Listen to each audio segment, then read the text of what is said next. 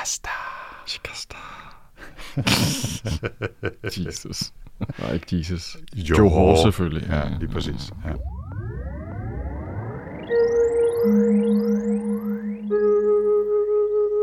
Velkommen til Sci-Fi Snak. Med science fiction. Og med snak. Med Jens Jarl Poder. Og Anders Høgh Nissen. Velkommen til. You're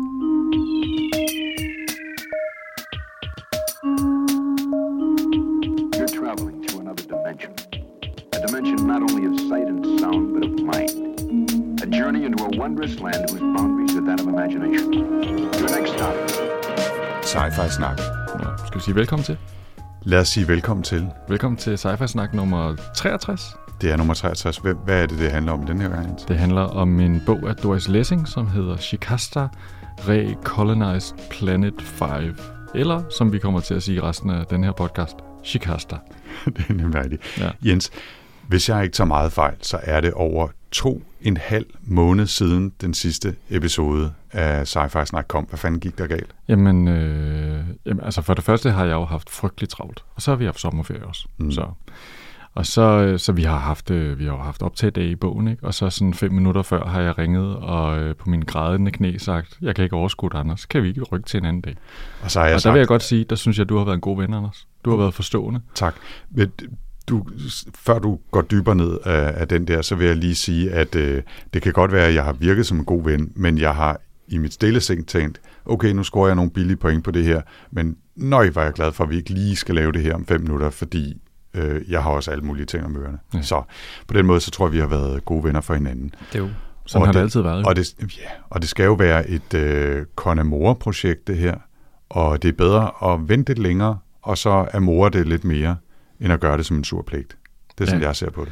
Og det, det, det med en turpligt, det kommer vi jo tilbage til, øh, når vi skal snakke om den her bog. Og det var en teaser. Men, men øh, altså, og jeg vil også lige sige bare upfront, det er altså to og en halv måned siden, at jeg læste den her bog, for jeg læste den umiddelbart efter, at du havde valgt den i sidste episode af Sci-Fi Snak. Og det betyder altså, at det er meget, meget lang tid siden, jeg har læst den her bog, og det er ikke en bog af typen, hvor man bare nemt husker alt, hvad der skete i et øh, hurtigt snapshot. Sådan er det i hvert fald ikke for mig. Så øh, det kan godt være begrænset, hvad jeg egentlig kan huske, men jeg skal nok gøre det så godt jeg kan. Mm. Så det er forbeholdt taget.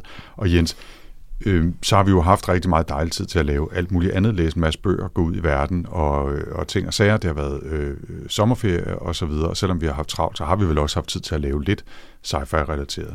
Ja, ja, ja. Jeg har også fået læst en masse bøger. Mm. Mm. Ikke så mange sci-fi-bøger faktisk. Jeg, jeg har været sådan vidt omkring i min læsning, men øh, jeg fik taget hul på den der øh, Hugh Howey-bog, du har nævnt flere gange. Den der Wool-serie. Øh, den var jeg sgu ret øh, begejstret for. Man kan lytte den gratis, hvis man har, eller gratis. Man kan lytte den på Mofibo, så det koster selvfølgelig penge, men altså, den, der ligger hele serien. Den er læst højt, tror jeg nok, af ham, der spiller Erik i, øh, hvad hedder det, det forsømte forår. Øhm, ja, Okay. ja. Det- Det, er men- faktisk ikke så godt, men Kan du bare lige hurtigt øh, sætte øh, historien i Wool op? ja, den handler jo om øh, en, en fremtid, hvor at øh, jorden er ubeboelig, og øh, menneskeheden bor tilbage i sådan en silo, hvor, øh, hvor man har sådan et system, hvor øh, sådan et meget hierarkisk opdelt samfund med folk, der bor nede i bunden og passer alle maskinerne, der pumper olie op og vedligeholder siloen. Og det er en meget interessant øh, historie, og selvfølgelig er der øh, intriger og alt muligt. Den er faktisk ret fed. Ja, ja, det er efterhånden nogle år siden, jeg læste den, men jeg synes nemlig også, den var rigtig, rigtig god. Altså, jeg, jeg- altså- kan lide ideen.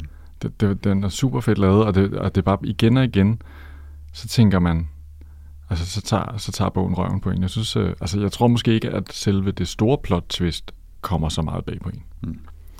Men der, er- der, den tager altså bare nogle drejninger undervejs, ikke? Og sådan, man tænker, Nå, men det er så hovedpersonen her. Nå, okay, der, Nå han døde. Nå, okay, nå, nu er der en ny hovedperson.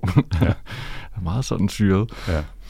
Og der, jeg kan ikke huske det, fordi han skrev en hel del efterfølgere og opfølgere, så jeg tror nok, at det er sådan lidt øh, Douglas Adamsk, at det startede som en trilogi, der nu er i fem eller seks afsnit i Okay. virkeligheden. Ja. Og, så, og så tror jeg faktisk, det er kommet sådan en omnibusudgave, hvor han bare samlede hele lortet. Okay, og og jeg, og jeg, er, jeg er jo sådan en, øh, sådan en der døber togen i tingene, ikke? og tænker, det jeg har læst nummer et, det er super fint. altså, det er ikke sådan, jeg har tænkt, åh, Nej. hvordan skal det hele ende? Svaret får du i næste nummer af Hugh Howey's Wool. altså, det, det var ikke sådan den følelse, jeg havde. Det sjove er, øh, at sådan har jeg det jo også meget tit, at jeg egentlig har det okay med at læse den første i en eller anden serie. Ikke? Mm. Øhm, jeg læste uh, Ancillary-serien, læste jeg jo faktisk færdig uh, et stykke tid efter dig, og her i sommer har jeg faktisk færdiggjort den anden trilogi. Nå. Øhm, jeg læste for et års tid siden en bog, der hedder Infomocracy af Molka Older, som jeg tror, jeg fortalte om i en sci snak dengang. Det, det korte setup er, at vi, vi befinder os i en fremtid, sådan cirka 50 år, 60 år fra nu, hvor verden er opdelt i grids, øh, hvor der i hver sådan opdeling lever 100.000 mennesker, som vælger deres egen regering. Så det er sådan et mikrodemokrati. Er det sådan noget med, det er sådan lidt social media-agtig øh, en kommentar til social media-demokrati? Nej, det er Nej? det faktisk. Okay. Det, sådan, sådan synes jeg faktisk ikke, det er. Øh, det er selvfølgelig en kommentar til nutiden, men jeg synes, det, det, det er ligesom sin egen verden. Det er mm. ikke sådan overgjort øh, billede på et eller andet. Øh, nej, det hele foregår bare på Twitter og sådan noget. Vel? Nej. Øhm, og det er, det er en fremtid, som, som virker sådan forholdsvis realistisk, fordi der er nogle crazy nye teknologier, men der er også øh, altså, klimakatastrofer og sociale katastrofer og, og krig og alt muligt andet. Ikke? Øhm, men det, det, det er faktisk et ret fedt univers. Og der sad jeg og opdagede, at, øh, at efterfølgerne, som hedder Null State og State Tectonics af den her trilogi, der bliver kaldt Sentinel Cycle, øh, var øh, på udsat på, på Amazon her i sommer. Og så tænkte jeg, at dem snupper jeg lige. Og øh, bog 2 og 3 er faktisk endnu federe end den første. No. Så, så som, som, som helt trilogi, og man kan sagtens læse den i et hug, øh, der, der vil jeg give den fem stjerner, hvis den kommer op her i, i sci-fi snak. Øh, og, og en sjov lille detalje, sidder vi jo to øh, mænd i vores bedste alder her, og er videre privilegeret og alt muligt andet, og snakker science fiction, men noget af det fede er, at for det første er en kvindelig forfatter, og så for det andet, at stort set alle hovedpersonerne faktisk er kvinder, men det er ikke sådan noget, der bliver understreget eller gjort et stort nummer ud af. Det er bare sådan, det er. Og det, det fungerer super fedt. Altså, det gik et stykke tid for, så opdagede jeg sådan, hov, det, de der mænd, det er sådan nogle, det er sådan nogle sidekarakterer, som, som, som de bliver gift med, som lidt futter rundt i baggrunden eller et eller andet. Og alle dem, der er kloge, alle dem, der er actionagtige, alle dem, der øh, har styr på tingene, det er kvinder. Det, okay. det er super fedt. Altså, det fungerer virkelig godt. Det er en sindssygt fed bog, eller no. trilogi, ja. Sejt. Om, altså, det kan jo også på et tidspunkt, kan det være, at vi bliver nødt til lidt at åbne op for, de, der er en del bøger, som vi har læst, men som vi måske alligevel burde behandle i sci-fi-snak, kunne man sige. Ja. Nå, men jeg kan se, du også, apropos øh, den slags bøger, så kan jeg se, du er blevet, øh, du har fået læst lidt Banks. Øh, en af de bøger, som jeg læste her sidste år, og var helt vild med. Use of Weapons, ja. den tredje i Culture. No spoilers. Nej, vi skal nok prøve at være. Ja. Men den var, øh, altså, jeg elsker jo bare Ian Banks. Ja. Og øh, jeg har jo også læst en af hans andre bøger, den der hedder Crow Road, øh, som, som ikke er en science fiction bog, mm. øh, men jeg elsker alt, hvad han laver. Det, ja, nå, jeg er stadig blive lidt ked af, at han døde alt for tidligt. Mm. Øhm, så har jeg også, øh, nu er jeg i gang øh, med min, med min sci-fi ting her, min meget lange liste. Jeg læste den nye Neil Stevenson, lige efter den var kommet. Uh. Øh, og øh, den bygger sådan løst videre på den bog, der hed Reamed, øh, som, som jo foregik sådan lidt i, i nutid. Og det gør den her også, men den foregår også i et, øh, inde i et virtuelt univers. Mm. Og øh, det er ikke hans bedste, det er det altså ikke. Mm. Øh, den, den har nogle elementer, den er ret sjov, og jeg er glad for at læse den, og den var ikke kedelig eller dårlig på den måde, men den er, den er absolut ikke oppe i, i top 3, er den ikke. Okay. Så, så du bør nok ikke læse den. Nej, skal, nej. Vi, skal vi sige det, ikke? Okay. Hvad har du ellers lavet? Jeg synes, der står noget med nogle kort. Ja, hvad hedder det? Ja, det var ret sjovt. Jeg, hvad hedder det? øh, Det var, øh, jeg hørte øh, Supersnak. De havde lavet en, øh, en øh, podcast om, øh, det var Morten Søndergaard og Kim Helt, jeg kan ikke huske, hvad han ellers hedder til efternavn, øhm, som har den her om superhelte. Mm. En fantastisk podcast, hvis man synes, det er fedt. Den varmt anbefales. Øhm, de havde lavet en hel snak om George R. R. Martin, fordi at vi blev færdige jo med Game of Thrones tv-serien. Om bøgerne bliver færdige, det ved man jo aldrig. Men øh, så snakkede de om hans Wildcards-serie, som er sådan en old history Øh, den siger, har en fantastisk baghistorie. Det, det var, øh, han, han udgav en science fiction bog, som totalt flunkede. Og så, havde han, så var han i skrivekrise og træt, over, træt af det, og, og så, så gik der ligesom et år, hvor han ikke rigtig fik lavet så meget, og så kom de i gang med at spille det her rollespil og blev fuldstændig optaget af det. Vi snakker sådan midt-80'erne. De havde lavet deres eget superhelte-rollespil.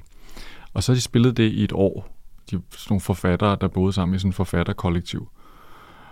Og så er de bare altså ingenting lavet. Og så på et tidspunkt, så var pengene ved at løbe tør. Han havde ikke flere penge på bankbogen. Det var fedt at have så mange penge på bankbogen, man kan spille rollespil i et år. og så havde de jo bygget hele den her verden med de her superhelte de her karakterer og sådan noget. Og så begyndte de, så blev de så enige om at, øh, at få skrevet, for det må de da kunne tjene nogle penge på. Og så, har, så det er sådan en novellesamling, hvor alle de her kendte forfattere har skrevet hver deres egen lille superheltehistorie. Og den foregår starter sådan omkring 1942, hvor der ligesom kommer sådan en virus, bliver sluppet løs. Det øh, ud over jorden, der så skaber de her mut- mutanter, der hvad hedder det, har de her powers. Men det bliver, det bliver sådan, det er lidt ligesom at læse øh, Lady Astronaut of Mars, øh, hvor at at man bruger ligesom, det, det er sådan old history, men man får alle de her ting med, øh, altså den der HUAC, den der øh, Committee, Committee of uh, Un-American uh, activities. activities og sådan noget. Ja, det bliver så ligesom brugt, men så bliver det kædet sammen med de her superhelte og sådan. Det, det er super fedt lavet. Mm-hmm. Den er faktisk rigtig, rigtig fed. Den der, mm. det, var, det var en ret stor oplevelse at sidde og læse den nede i Italien. Det var mega fedt. Ja. Apropos uh, Old History, så en af de uh, bøger, jeg har læst, som, som jeg faktisk er lidt i tvivl om, man kan, egentlig kan kalde science fiction, men uh, det, den hedder The Grand Dark af Richard Cadry, som blev anbefalet af Cory Doctorow, der jo skriver blandt andet på Boing Boing. Mm øhm, som havde anbefalet den, ja, og anmeldt den. Øhm, og den, den foregår i sådan et parallelt old history-univers efter Første Verdenskrig, i et eller andet ikke nærmere defineret Europa-lignende setup, hvor folk stadigvæk kører rundt på cykler, og vores hovedkarakter er sådan budbringer og kører rundt med ting i det her øh, fuldstændig smadret efterkrigssamfund, hvor alle slås for at få lov til at leve af noget som helst, og hvis man bare kommer for sent en enkelt dag, så bliver man fyret fra sit job, og så, så er man så godt som død og sult. Ikke? Mm. Men samtidig så er der altså også øh, robotter med en eller anden grad af kunstig intelligens, som kan køre rundt og løse opgaver og, og øh, nærmest menneskelignende øh, androide-robotter også bliver introduceret på et tidspunkt, og det er sådan, altså, det er rimelig crazy, men der er ikke sådan en computer, som vi tænker på det, eller mobiltelefoner eller sådan noget, så det er sådan en steampunk AI-udvikling, der foregår øh, okay. i, i det fra? univers. Øh, bogen er fra i år. Okay. Øhm, og egentlig et ret interessant univers, desværre, som mister historien lidt grebet om sig selv, og bliver til sådan en, og så, og så, og så, og så, no. ting, ikke? Hvor, hvor man ikke rigtig fornemmer en ark, og hvor jeg synes, han mister lidt grebet om, om sin fortælling, men, men sådan, den der worldbuilding, der foregår i den første halvdel, kan jeg faktisk rigtig godt lide. Okay, og så du kastet ud af den der Olga Ravn på, vi faktisk har fået anbefalet i forumet på Goodreads. Jeg kan ikke huske, hvem det var, der anbefalede den, men den, de, de ansatte? Ja, det har jeg nemlig. Jeg, jeg besluttede mig for, at nu, nu skulle det, der er også lige lidt dansk science fiction på, mm. øh, og øh, jeg er lige gået i gang, så jeg måske den er ret kort, så jeg er 30 procent inde i, efter stort set at være gået i gang med den i går, efter, i går eftermiddag eller går aftes. Ikke? Mm. og de, den, er, den er meget speciel. Altså, den tager form af en række af interviews eller vidnesbyrd fra nogen, som arbejder på noget, som jeg tror er et eller andet form for rumskib. Mm. Øh, nærmest som om, at et eller andet konsulenthus var blevet sat til at interviewe nogle mennesker om deres job, og hvad de tænker om deres job, og, og den måde, de løser det på, og om deres kolleger og sådan. Men i et ret syret univers, hvor nogen måske ikke er mennesker, men en slags kloner, og det er lidt svært at få greb om. Men øh, interessant i hvert fald. Jeg, jeg, my mom? Let me tell you about my mom. og så overhovedet ikke. Nej, okay. så langt væk fra Blade Runner, som du næsten kan forestille dig. Nå, okay. Ja. Det var da et skam. Men, øh, men altså, interessant i hvert fald, er jeg glad for lige at få, få sat den på listen. Okay. Så, så tak til dig derude, der anbefalede den, øh, og undskyld, at vi ikke lige kan huske, hvem du var. Ja, men, men det er sådan lidt, det lyder som sådan noget... Øh, igen, vi, vi, er lidt, vi snakker lidt uh, her, og nu skal vi jo til at snakke om Shikasta lige om lidt, ikke? Men det lyder... Shikasta.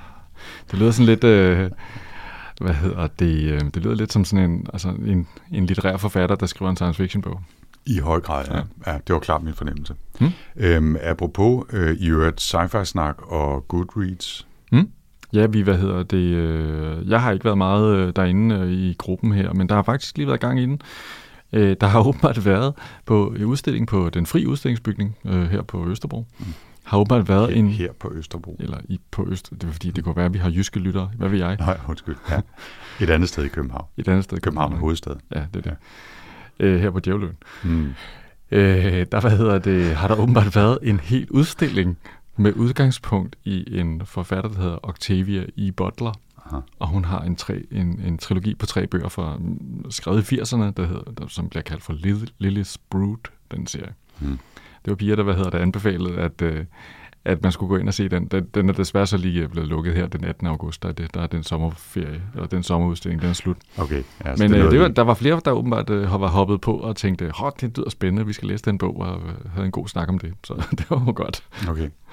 Nå, spændende. ja, ja, ja, ja, ja. Nå, men øh, Det kan være, at vi skulle til at komme i gang. ja. Jens, øh, kort intro til Shakasta. Jamen, det var, mig, der, det var mig, der valgte den ud fra øh, en anbefaling af Adam Savage, der lavede sine otte øh, top 5 bøger. Øh, YouTube-video. Adam Savage, parentetisk øh, jo kendt fra Mythbusters, øh, kendt maker, har sin egen øh, podcast til sin egen YouTube-kanal, Ja. hvor han bygger ting øh, på alle mulige forskellige måder og har nye tv-programmer på vej. Mm. Jeg synes, han er super charmerende. Jeg kan rigtig, rigtig godt lide ham. Han Ja. virker som et godt menneske på mange måder. Jamen altså forfærdeligt, ja. hvis man er sådan, til, til, har tilbøjelighed til at købe sådan noget grej selv, sådan noget, man kan bygge ting med, så sidder man bare fra det her helvede til. Ja. Nå, men Men øh, ja, og, og så tænker jeg, okay, det var sgu egentlig meget fedt. Jeg kan godt lide nogle gange, jeg har haft gode oplevelser tit med, med forfattere, som, altså vi har jo læst øh, Margaret Atwood, ikke? Øh, Oryx og Craig, øh, og forfattere, som egentlig også er anerkendte fra andre genrer, som kommer ind i science fiction-feltet. Så tænkte jeg, det lød sgu spændende. Og hun, øh, Doris Lessing, øh, tog jo her i øh, 1979, hvor bogen er fra, der tog hun jo et sjovt detur i sin litterære karriere, hvor hun ellers havde været kendt for at skrive sådan noget meget realistisk, feministisk, øh, realistisk litteratur. Og så lige pludselig øh, udgiver hun denne her øh, science fiction bog i 1979, og de næste par år, så bruger hun øh, sin energi på den genre. Øhm, det er jo en, øh, en sådan en meget interessant og mærkelig og svær bog at læse. Det, øh, det er sådan et episk forløb, må man sige, fordi vi snakker helt tilbage til skabelsen af liv på jorden og ud i fremtiden på den anden side. mm, Øh, men det er jo sådan en, en bog, hvor hun ligesom laver sådan en, ja, hun genfortæller en, en, jeg ved ikke om det er en parallel version af jordens historie, øhm, men, men hun refortolker øh, bibelfortællinger og i et nyt perspektiv, som om, som om at alt det, der foregår på jorden, er i virkeligheden resultatet af en kamp mellem kosmiske kræfter, galaktiske imperier, som øh, har for det første overhovedet sørget for, at der findes liv på jorden. Øh, men så er der sådan en kamp, kamp om, hvor, hvordan den her, øh, civilis- den her menneskehed skal udvikle sig. ja, vi har, vi har øh, Canopus og Sirius, som er to gode galaktiske kræfter og imperier, Ja, okay. som, som jo øh, øh, altså hjælper øh, liv til at, at udvikle sig, øh, Mm. skubber på evolutionen, så den går i retning af mennesker, og øh, sørger for, at de bliver indgydet med, øh, med øh, altruistisk kærlighed og, og øh, fokus på fællesskabet frem for sig selv og alt muligt andet. Og på den anden side i den her kosmiske kamp, der står øh, det imperium, der hedder, øh, som bor på planeten Puchiora, er et ret øh, specielt navn, som hedder Shamat, Ja, øh, som er de onde, som i Ja. første omgang holder sig sådan lidt tilbage, men i den grad kommer på scenen senere. ja og de er sådan, som om, de nærmest sådan suger lidelse til sig og lever af det, som om det sådan, ligesom er sådan en power. De sådan, og, det, og det er super svært at forstå de her ting. Det er sådan meget mystisk. Øh, Canopus her, det gode, som vi følger jo ligesom, øh, de- dem der fortæller den her historie, det er jo udsendinge fra Canopus. Primært øh, den udsending, der hedder Johor, eller Johor, jeg ved ikke, hvad man siger. Øhm, de, øh, de, øh, hvad hedder det, de skaber jo sådan en kosmisk øh, god energi, som de deler, og så, så øh, i synergi med hinanden og sådan noget, ikke? Hvor at de, de, øh, de, de prøver bare at skabe så meget lidelse og ødelæggelse som muligt, og så er det som om, at de, mm, har mere dårlig stemning, yeah. Mm. Altså det er sådan, det er sådan ligesom den øh, magtbalance, og det, og, det, og det bliver ligesom baggrundstæppet for, for hele jordens udvikling, og en, kan man sige, relativt blik øh, fortolkning af øh, vores samtid, og hvordan menneskeheden agerer i det 20. århundrede, ikke? som, øh, hvad hedder det, i Canopus' blik, der er det det århundrede, som jo er en lang verdenskrig. så. Ja, altså, øh, der, der, der er ligesom nogle, altså to, øh, to æraer, kan man sige her, fordi der, der er den første del af, af Shikastas øh, historie, i planeten Jordens historie i virkeligheden, og den hedder jo faktisk ikke øh, Shikasta til at begynde med, der hedder, Nej, det den, der hedder den Rohanda. Ja, som Øhm. betyder et eller andet med den evigt forandrende og energiske, og så bliver det til Shikasta, som betyder Den knækkede, Ja, eller den ødelagte. nedbrudte, eller ødelagte. Rohanda betyder the fruitful, altså den frugtsommelige. frugtbare. Ikke? Ja. Ja. Nå, men i hvert fald i den, i den første Rohanda-inkarnation af planeten, der er, der er det Canopus, der, der styrer og hjælper øh, liv og menneskeheden til at udvikle sig. Alting sker i harmoni, og vi, vi øh, dyrker, øh, dyrker vores økologiske grøntsager. Ikke? Og, Jeg bor i byer, der er femkantede og sekskantede og runde og alt muligt spændende. det er, og det, Og vi det, bliver otte, otte, flere tusind år gamle også. Ja, altså, vi dør ja, ja, ikke. præcis, og, vi- og store oven i købet. Mm. Ikke? Øhm, øhm, men men øh, ja, så, så sker der det, som, jeg kan simpelthen ikke huske, hvad de kalder dem, der sker en eller anden form for kosmisk knæk i hvert fald. Og, og det gør, at den her øh, balance, som, som Rohanda befinder sig i, som på en eller anden måde er synkroniseret med Canopus og Sirius, den går i stykker. Der er sådan en lås mellem de to øh, lige områder, hvor ikke at, og Canopus kan ligesom sende den her gode energi til jorden, som ligesom øh, hvad hedder det, nære den her udvikling, sådan at vi kan blive komme op på deres niveau og indgå og begynde at betale tilbage gå ud fra på en eller anden måde. Øhm, Og, og, og ja, så, og der, den, den lås, øh, den, altså den øh, synkronisering af, af, af planeterne mm. eller øh, kræfterne går i stykker, og det åbner så i den grad en mulighed for, at uh, Shamat de kan give den går, gas. går ikke? ind og giver den gas og tager kontrollen. Ja. Og så er det, vi havner i, i den jord og i den øh, menneskets historie, som vi i virkeligheden kender. Ikke? Ja, Øh, fordi- Også selvom det ikke eksplicit sagt, eksplicit bliver sagt, at det er vores historie og vores jord, så ligner det til forveksling. Og vi skal jo også huske, at den her bog er skrevet i 1979, mm. så øh, de to verdenskrige var væsentligt tættere på i erindringen, og på det tidspunkt virkede det jo i den grad, som om en tredje verdenskrig var lige rundt om hjørnet. Ja. Og det, og det er det 20. århundrede, som, som bliver beskrevet, og som er den verden, der nu ikke længere er Rwanda, men Shikasta. Så vi har det her knæk, som næsten er ligesom sådan en syndefald i virkeligheden. Ikke? Altså, I høj grad. sådan lidt, øh, og, og, det, og denne her del af bogen er sådan meget, øhm, meget sådan beskrevet i sådan nogle malende, nærmest naive fortællinger, synes jeg, om syndefald og flod, øh, altså hvad hedder sådan oversvømmelse og sådan nogle ting, der sker. Øh, og det er sådan meget sådan, øh, Johor, denne her udsending, er ude og påvirke og snakke med dem og vise dem øh, sådan en nøgle, som han har, som jeg forestiller mig sådan en øh, dims, der lyser og gør ting og påvirker folk med god energi. Et eller andet. Krystalhealing af en eller anden slags. Det måske. lyder rigtigt, ja. Øhm, men problemet er jo simpelthen, at denne her, det er som om, at denne her sense of we-feeling, som er sådan en central energi, som, øh, som, som sådan skal gøre, at alle bare er gode ved hinanden og træffer gode beslutninger. Det, det lyder rigtig meget som midi-chlorians, gør det ikke? Jo, altså, Nå, det, undskyld, det var et det er det måske, men det er, sådan, det er ligesom den der sådan en, den gode, det er the, det, eller the, the light side of the force, eller hvad Mm. fanden det er, ikke? Altså, det er sådan Mm. ligesom den der, som gør, at folk de vil tage hensyn til hinanden og leve sammen, og lade være med at tænke og ødelægge sig selv. At den begynder ligesom at, øh, man får mindre og mindre af den anden energi på Shikasta. Og så åbner det jo op for individualisme og krig og genocide og alle de der ting, som er negative. Så, så i, i den her version, ikke, så er grunden til, at menneskene er så frygtelige, som de er, det er fordi, at øh, vi mangler den der sense of we-feeling. Ja. Øh, og bogen handler jo om, hvordan man så er jo i virkeligheden en lang, lang fortælling om, øh, hvad hedder det, Canopus' kamp for at holde fast i håbet om, at jorden kan blive god igen. Og øh, Johor, bliver i virkeligheden sendt tilbage.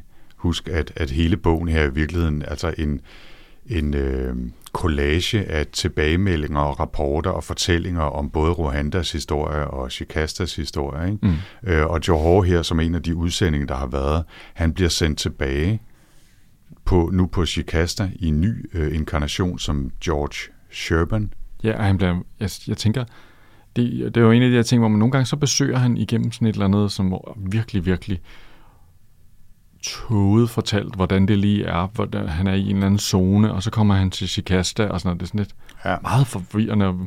Men her, der, der, jeg forstår det som om, han bliver født mm. ind i en familie, og ikke rigtig, der er et eller andet af Johor inde i George, men det kræver også, at han ligesom vokser op han, og bliver oplært af andre, ja. før han kan blive denne her frelser, eller hvad man skal kalde det. Det, det, det, er, også det, jeg, det er også det, jeg oplever. Øh, og så følger vi, øh, så følger vi ham og, og, øh, og hans søskende i øvrigt, øh, Rachel og Benjamin, som jo også er en eller anden reinkarnation af en Johor tidligere har kendt, hvis jeg ellers har forstået og kan huske det rigtigt. Ikke? Øhm, og så følger man dem og deres opvækst i det her meget, meget nedbrudte, triste, ødelagte øh, billede af jorden, hvor, hvor de vestlige magter altså virkelig sætter tryk på imperialismen. De udnytter øh, Afrika og Asien, og der er krig alle vegne, og slaveri og, og undertrykkelse på, på 100 øh, forskellige måder. Ikke? Mm. Man følger deres arbejde der, og så efterhånden så, øh, så kommer vi derhen, at de og ret mig, hvis jeg begynder at huske galt her, men der, der bliver lavet sådan en, en form for retssag ja. øh, mod de vestlige undertrykkelsesmagter. Mm. Altså sådan en slags global øh, Nürnberg, øh, hvad hedder sådan noget, øh, trial, hvad hedder det? Ja, ja, ja. Øh, retssag. Ja, hvor, hvor øh, John, nu kan, nu kan jeg simpelthen ikke huske, hvad han hedder. Han John Brent, uh, John Benjamin Brent. Hedder han det? John Brent Oxford. Det er hedder, ikke? Okay, ja. John Brent Oxford, han, han bliver repræsentant for altså, øh, især England, men altså alle de undertrykkende imperier på jorden, og skal så på en eller anden måde forsvare sig over for, for sådan en, en gruppe af unge, som nærmest har sådan en, øh, hvad hedder det, øh, ungdomskommunistisk øh, fornemmelse af, over sig, ikke? som er samlet i en eller anden kæmpe stor lejr i Grækenland, hvis jeg ellers husker ja, ja. ret. Øhm, og, så, og så sidder de i et stort... Øh, øh, hvad hedder det, amfiteater, og, og, og har den her retssag, hvor de fortæller om alle de grumme ting, som, som John Brent Oxford og hans kompaner, øh, eller dem han repræsenterer, har, har begået igennem de sidste hundredvis af år, og hvorfor tingene bør være anderledes. Ikke? Og, og det følger vi altså i ret lang tid.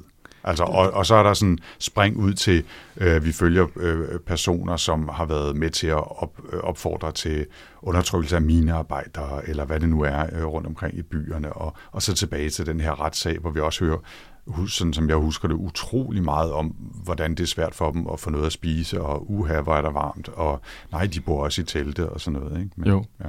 det er meget, altså, den del af, altså, det er ret interessant, fordi den skifter fra det her sådan meget malende, naive, øh, øh, hvad hedder det, hvad kan man kalde det, øh, mytiske fortællinger til sådan meget nære fortællinger fra, hvor de bor i Marokko og oplevelsen med ikke at kunne få nok at spise og sådan noget. Jeg synes faktisk, det er den del af bogen, der er den bedste del, fordi her der er vi meget tæt på Rachel og Benjamin. Vi, vi ser stor del af den her del af bogen, ser vi gennem Rachels øjne, hvor hun er point of view person. Øhm, og der synes jeg i virkeligheden, at, øh, at øh, det kan måske snakke videre om senere, men Doris Lessings øh, evner som forfatter kommer bedst igennem. Altså, det er nogle, nogle ret øh, gode, synes jeg, karakterer, der er med i, i den del af bogen. Det snærper jo også rigtig, rigtig meget i retning af noget, der i meget, meget stor gåsøjne bare er en samtidsbeskrivelse. Ja, det er meget altså, sådan realistisk. Det, det, er jo en, det er jo en, ja, ja, det er jo virkelig sådan en... Øh, socialrealisme mm. med, med sort med sort på et eller andet sted. Ikke? Øh, og, og også noget, tror jeg, som har været med til at afføde den reaktion, som, som jeg kan forstå, bogen mødte dengang der i, i 79, da den kom. Ikke? Altså at rigtig mange virkelig bare synes, det var en alt for trist og dyster mm. beskrivelse, som, altså dystopisk beskrivelse af verden, som de, de havde meget svært ved at følge med i. Ikke? Men det er, som du siger, det er jo den bog, der i virkeligheden, altså den føles nærmest som om, det er et, sådan et rimelig straight-up portræt af England i, i slut 70'erne et eller andet sted. Ikke? Jo. Øhm, jeg, jeg, jeg tænker også lidt i virkeligheden, hvis vi sådan skal begynde at bevæge os lidt over en vurdering, ikke? Altså, at, at øh, det er en ret fragmentarisk bog på den måde. Ikke? Den er jo nærmest bygget op som om, at det sådan ligesom er, er noter, og altså, som om man har fået en stavl papir på et eller andet i en eller anden øh, kartotekskasse fra et bibliotek med. Her der er de, de her noter, i, og Joe Hoare skrev, da han var på sin første rejse til Chicago. Og, og her er der nogle leksikonopslag, og her er der en afskrift af et, ja, et interview osv. osv. Ikke? Men altså, den er også jo, jo bygget op af de her to store fragmenter, kan man sige, mm. ikke? som er øh, det du tror jeg beskrev som sådan en, en, en malerisk, øh, mytologisk fortælling om den gang, det hed Rwanda, og, og, øh, og Johors øh, udsending der, og hans interaktion med, med folk på planeten, og hvordan han også øh, begy- forsøger at guide dem i den rigtige retning, og, og så videre, så videre. Og så den her beskrivelse af noget, der nærmest minder om verden, i, altså jorden i 1979, ikke? Mm. og så den her lange retssag mod John Brent Oxford og, og de vestlige overmagter. Ikke?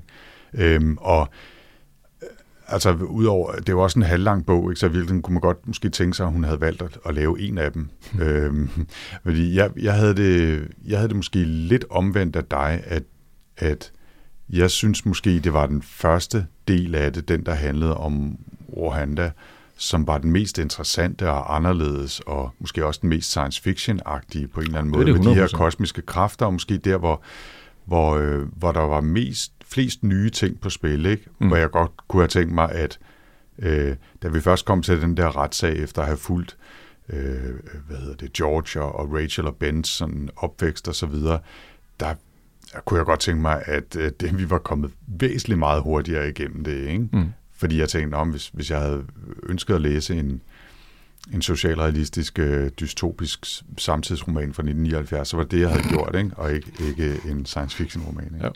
Men, altså, men, men det, det, er, altså, det er jo en spændende og udfordrende og interessant oplevelse, fordi man skal virkelig omstille sin hjerne på mange måder. Ikke? Mm. Og normalt så kan jeg faktisk meget godt lide de der bøger, som, som lidt skal virke som om, at det er found material. Ikke? Mm. Altså at, ho, som du sagde, vi, vi er snublet over en, øh, en stabel af kasser nede i kælderen på biblioteket, som viser sig at indeholde de her crazy papirer fra en udsending fra øh, Canopus, som kom til den her planet, og ej, jeg ser her, og nu bladrer jeg om, skal prøve at få orden i det, og jeg har samlet det sådan her, og måske tilladt mig at skrive nogle noter som, som redaktør i maven hister her, for at kommentere og hjælpe læseren. Jeg elsker sådan noget, ikke? Ja, det er jo meget sjovt. Øh, fordi det er... Det, det er ja, kan være meget sjovt. Ja, det kan være meget sjovt, i hvert fald. Det er jo, det er jo et meget brugt trick, ikke? Og, og som regel, så kan jeg faktisk meget godt lide den, mm. den slags. Så det er måske også med til at hjælpe den her på, på glæde, i hvert fald øh, på nogle måder for mig, den der, at man hele tiden sådan skifter lidt perspektiv og skal prøve at sætte sig ind i, når, hvem, hvem er det, der har skrevet det her, hvor kommer det her fra? Ikke? Mm. Men det er jo samtidig også noget af det, der hele tiden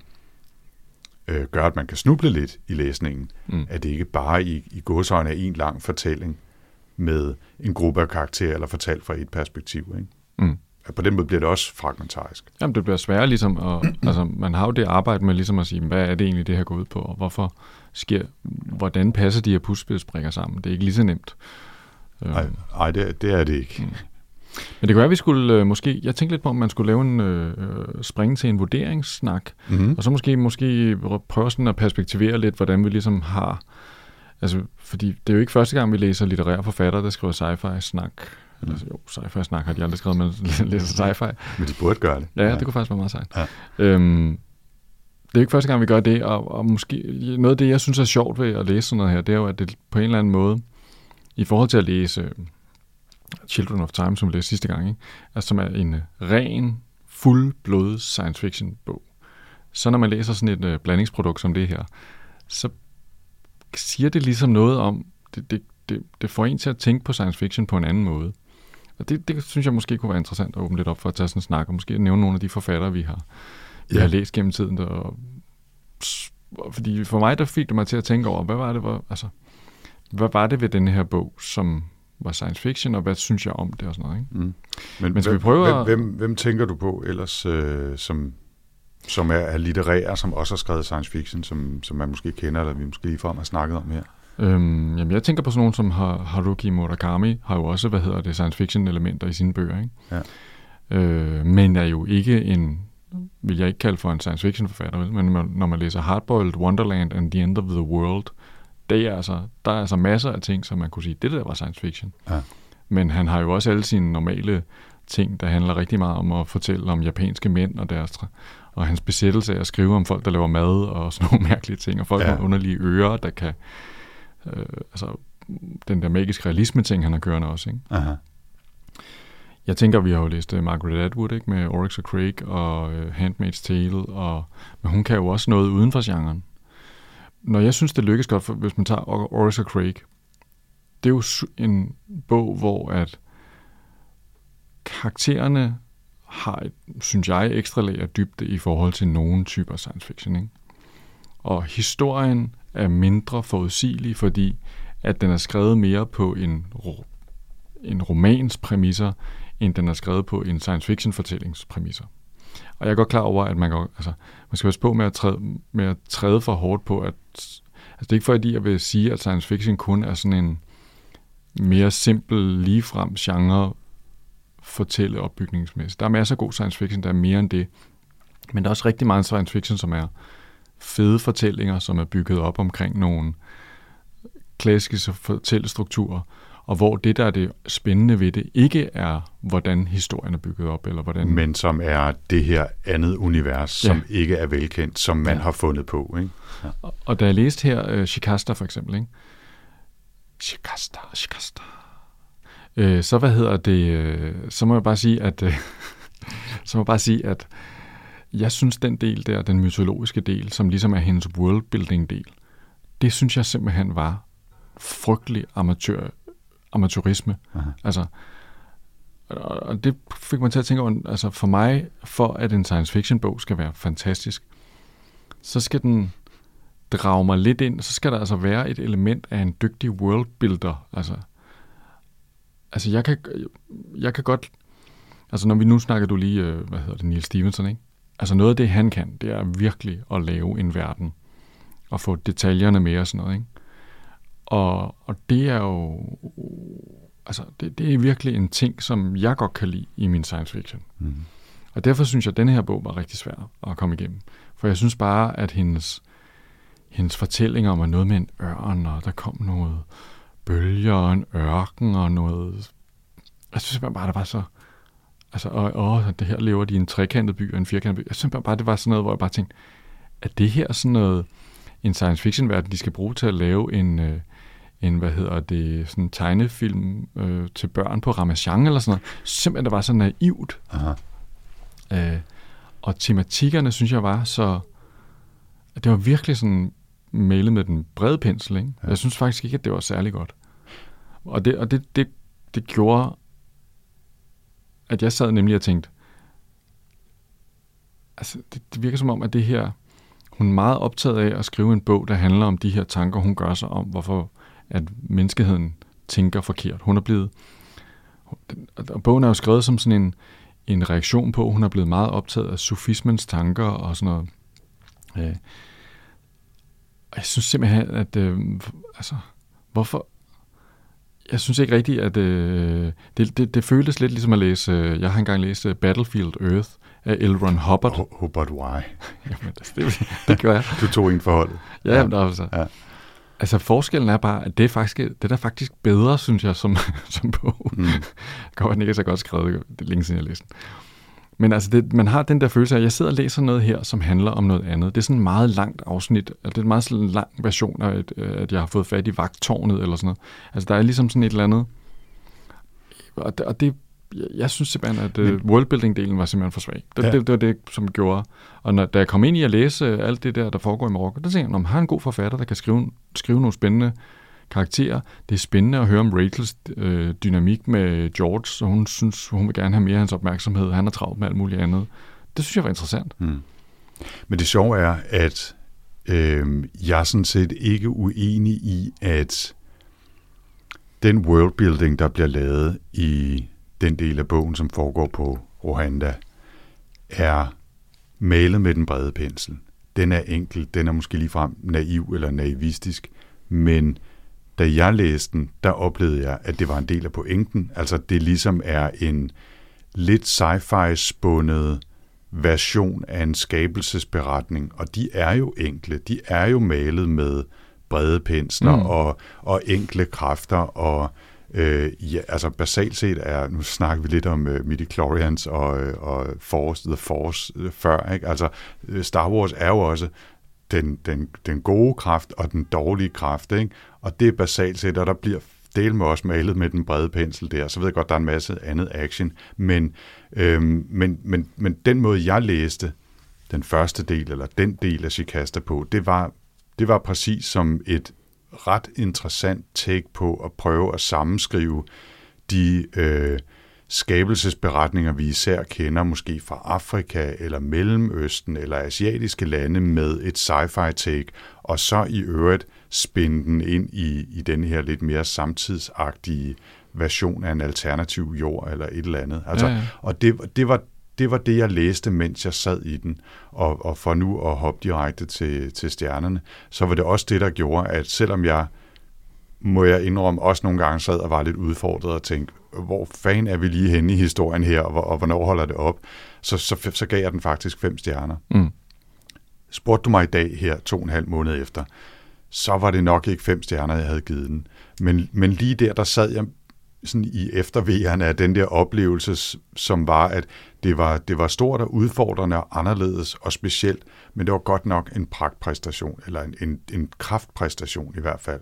Øhm, og det, det bongede altså ud lige der i situationen, ikke? hvor jeg stadigvæk sådan sad lidt og, og, og var ramt af bølgerne øh, efter at have lukket den. Ikke? Mm. Øhm, men i dag, der vil jeg måske i hvert fald ned på 4, og måske endda ned på, på 3,5, fordi den stadigvæk er så fragmentarisk og har de problemer, som den har, og i øvrigt godt kunne have tjent, synes jeg, øh, at, at være 25 procent kortere. Ikke? Jeg, jeg kan sagtens se, at ideen om at lave det der mytologiske, det er en god idé.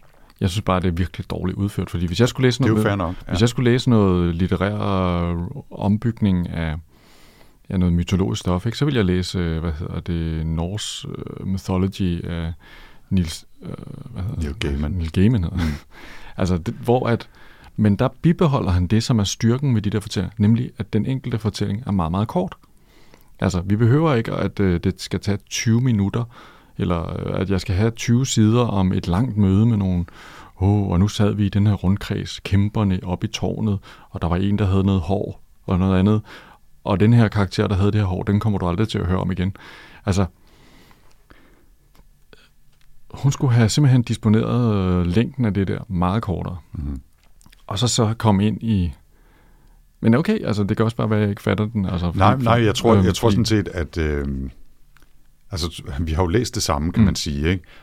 Øh, det kan også være, hvor har vi lige været henne, da vi læste den. Ikke? Ja. Og det kan også godt være, at hvis jeg læste den igen, så ville jeg for alvor sidde og tænke, hov, nu, nu hvor jeg egentlig kender den store historie, hvorfor er det så, vi skal slæbes igennem 20 sider mm. Med en eller anden øh, hvad hedder det, kæmpe med, med hår. Altså, øh, men, men da jeg sad i den, der, der lå jeg tvivlen komme Doris Lessing til gode, kan man sige, og, og, og tænkte, dem her er en intention med at gøre det på den her måde, og jeg kan godt ane konturerne af, hvad det er, hun gerne vil, og jeg synes faktisk, det, det var interessant. Ikke? Mm. Så, men du havnede helt ned på To stjerner. to stjerner. Ja. Så Og det jeg er, det er noget give den- spændt. Ja. Startede med at give den tre. Og så er jeg så nedjusteret, fordi jeg så havde tænkt, prøv hvis det her ikke havde været en eller anden Nobelprismodtager, og jeg havde fået at vide, at det her var en stor klassiker, og jeg, øh, så ville jeg ikke have givet den tre. og jeg ville ikke have læst den færdig, hvis ikke det var, fordi vi skulle læse den til sig for snak. Men det kan, så, så i virkeligheden kan det være, at, at, at øh, vi havde havnet, måske var jeg havnet på 3,5, og måske Mm. kunne, man, kunne man sige, at øh, du trods alt var glad for noget af den, så du havnede på 2,5, jeg ved det ikke, men Ja. altså, vi var, vi var nok tættere på hinanden, øh, hvis jeg skulle give stjerner i dag. Ikke? Jeg, jeg tror ikke, jeg, Jeg tror ikke, ikke du den her, hvor, op. det er ikke den her, altså vi har jo haft nogle gange, hvor du har, øh, hvor du virkelig godt har kunne lide noget, og jeg har hadet det, ikke? og omvendt. Mm. Jeg tror måske, at vi er tættere på hvor, i vores vurderinger på, ja. Ja. når det egentlig kommer til stykket. Jeg synes også, da, da jeg endelig kom i gang til sidst, og kom on a roll, så var oplevelsen bedre. Men der var simpelthen nogle gange undervejs, hvor jeg bare tænkte, jeg, jeg kommer aldrig igennem den her bog. Jeg orker det simpelthen ikke. Nej. Øhm, Og jeg bare tænkte, findes der ikke en lydbog, så kan jeg bare sætte den på, og så kan jeg håbe på, mens jeg sover, at, øh, at den ligesom bliver optaget i mit, i mit sind. Ja, fedt. Øhm, vi skal lige tilbage til det, du snakker om før, nemlig det der med litterære forfattere, som også skriver science fiction, Mm. eller hvordan vi nu skal skelne mellem de to. Og der nævnte vi jo faktisk i starten af den her episode Iron Banks, oh ja, øh, som, som jo øh, gjorde begge dele Ja. meget tydeligt endda. Ikke? Altså han skrev øh, samtidsromaner, kriminalromaner, øh, sådan lidt mere eksperimenterende litterære romaner under navnet Ian Banks. Mm. Og når han så øh, brugte sit øh, melleminitial M, altså skrev som Ian M. Banks, så skrev han science fiction. Øh, især den her Culture-serie, som vi nu øh, øh, lige i dag nævnte, Use of Weapons, som er den tredje i den serie, hvor vi havde den første, som jeg lige pludselig ikke kan huske, hvad hedder. Den hedder... Den hedder... Øh... Det er lige præcis derude. Det, I sidder og råber det af, af, af os øh, derude og kan huske det, det kan vi ikke så. Men den havde vi jo med i en sci-fi-snak. Og, øh, og han fagner jo i, i, altså i mine øjne fantastisk at skifte mellem de to ting. Mm. Øh, og, og, og uden at det føles som om, at det bliver sammenblandet. Altså, han prøver ikke på den måde at skrive altså litterærlige romaner, når han skriver science fiction, øh, men de er velskrevne, og de er underholdende, og god character building, og fantastisk world, world building, og, og så skriver han samtidsromaner eller kriminalromaner, som også er det, men uden at de ligesom skal forsøge at være øh, altså øh, sci-fi-agtige på en eller anden måde, hvordan mm. det så skulle være. Ikke? Altså, og han, han har virkelig delt det op. Ikke? Nu jo, gør der, det ene, der, der, nu har vi det. Ja. Der, der, der kunne det i virkeligheden, når man læser de altså, der, der, der sidder man ikke og tænker, når man læser øh, culture-romanerne, at de er meget litterære. Altså, de er virkelig, virkelig gode. Det er noget af mit yndlings science fiction. Mm. Men, øh, men hvis man for eksempel læser Murakami, så sidder man jo lidt i tvivl om, er det her egentlig science fiction, eller er det overhovedet, eller er det over, og det skaber det der interessante spændingspunkt, ikke? Jo. Jeg er jo ikke i tvivl om, når man læser Oryx og Craig, at det er science fiction. Men den måde karaktererne er på, og den måde fortællingen ligesom er bygget op, er super interessant, ikke? Altså, mm. og, og, øhm, men jo også mere over i at være ren science fiction. Jeg, jeg kommer også til at tænke på, hvad hedder den? China Melville, som mm. i virkeligheden ikke, eller Miaville hedder den, mm. som i virkeligheden ikke rigtig skriver science fiction. Det er mere sådan noget underlig steampunk, der sådan er sådan en mærkelig blanding af noget science fiction fantasy-verden, hvis det var skrevet af Bret Easton Ellis, og øh, som var prøvet at skrive noget, der minder om Naked Lunch. Altså virkelig, virkelig underlige romaner, når man sidder og læser dem, og frygtelige, øh, frygtelige ting, der sker i dem. Ikke? Ja, ja.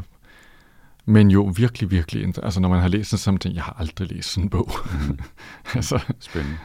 Øh, jeg synes, at det kan noget, det der. Jeg tror, at nogle af mine yndlingsbøger er i virke, ligger i virkeligheden i det der mellem, mærkelige mellemfelt. Altså. Mm. Men, når man så, men det er sådan nogle, hvor man sidder og kigger på, og man tænker, hmm, er det egentlig sci-fi snakmateriale? Man er lidt i tvivl. Ikke? Ja. Skal vi sige, at det var øh, afrundingen af Shikasta? Shikasta. Ja. ja. Og vi skal jo læse noget nyt. Det skal vi.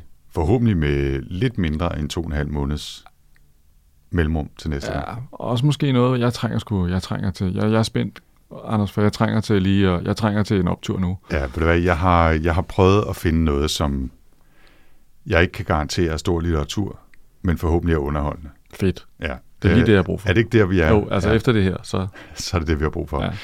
Og jeg har valgt en bog, der hedder Recursion af Blake Crouch. Er du nogensinde stødt på Blake Crouch? Jeg synes, at Recursion har jeg, hvad hedder det, øh, har jeg siddet og kigget på, om, ja. om det skulle være noget.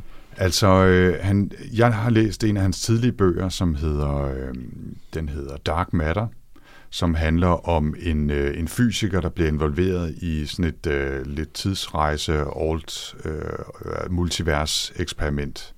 Øh, og det er, det er meget thrilleragtigt, men han ved nok om videnskaben, eller får det i hvert fald til at virke som om, han ved nok om videnskaben til, at der er noget plausibelt i det, der foregår, og, og så er der bare en, en, en masse spændende, øhm, altså nærmest sådan, hvad kan man sige, filosofiske betragtninger over det der med, hvad er det for et liv og en fremtid, vi får, og hvad hvis den fremtid bliver en anden? Hvordan forandrer vi os så? Og hvis vi kunne se os selv i en alternativ virkelighed, hvad vil der så ske? Og så videre, ikke?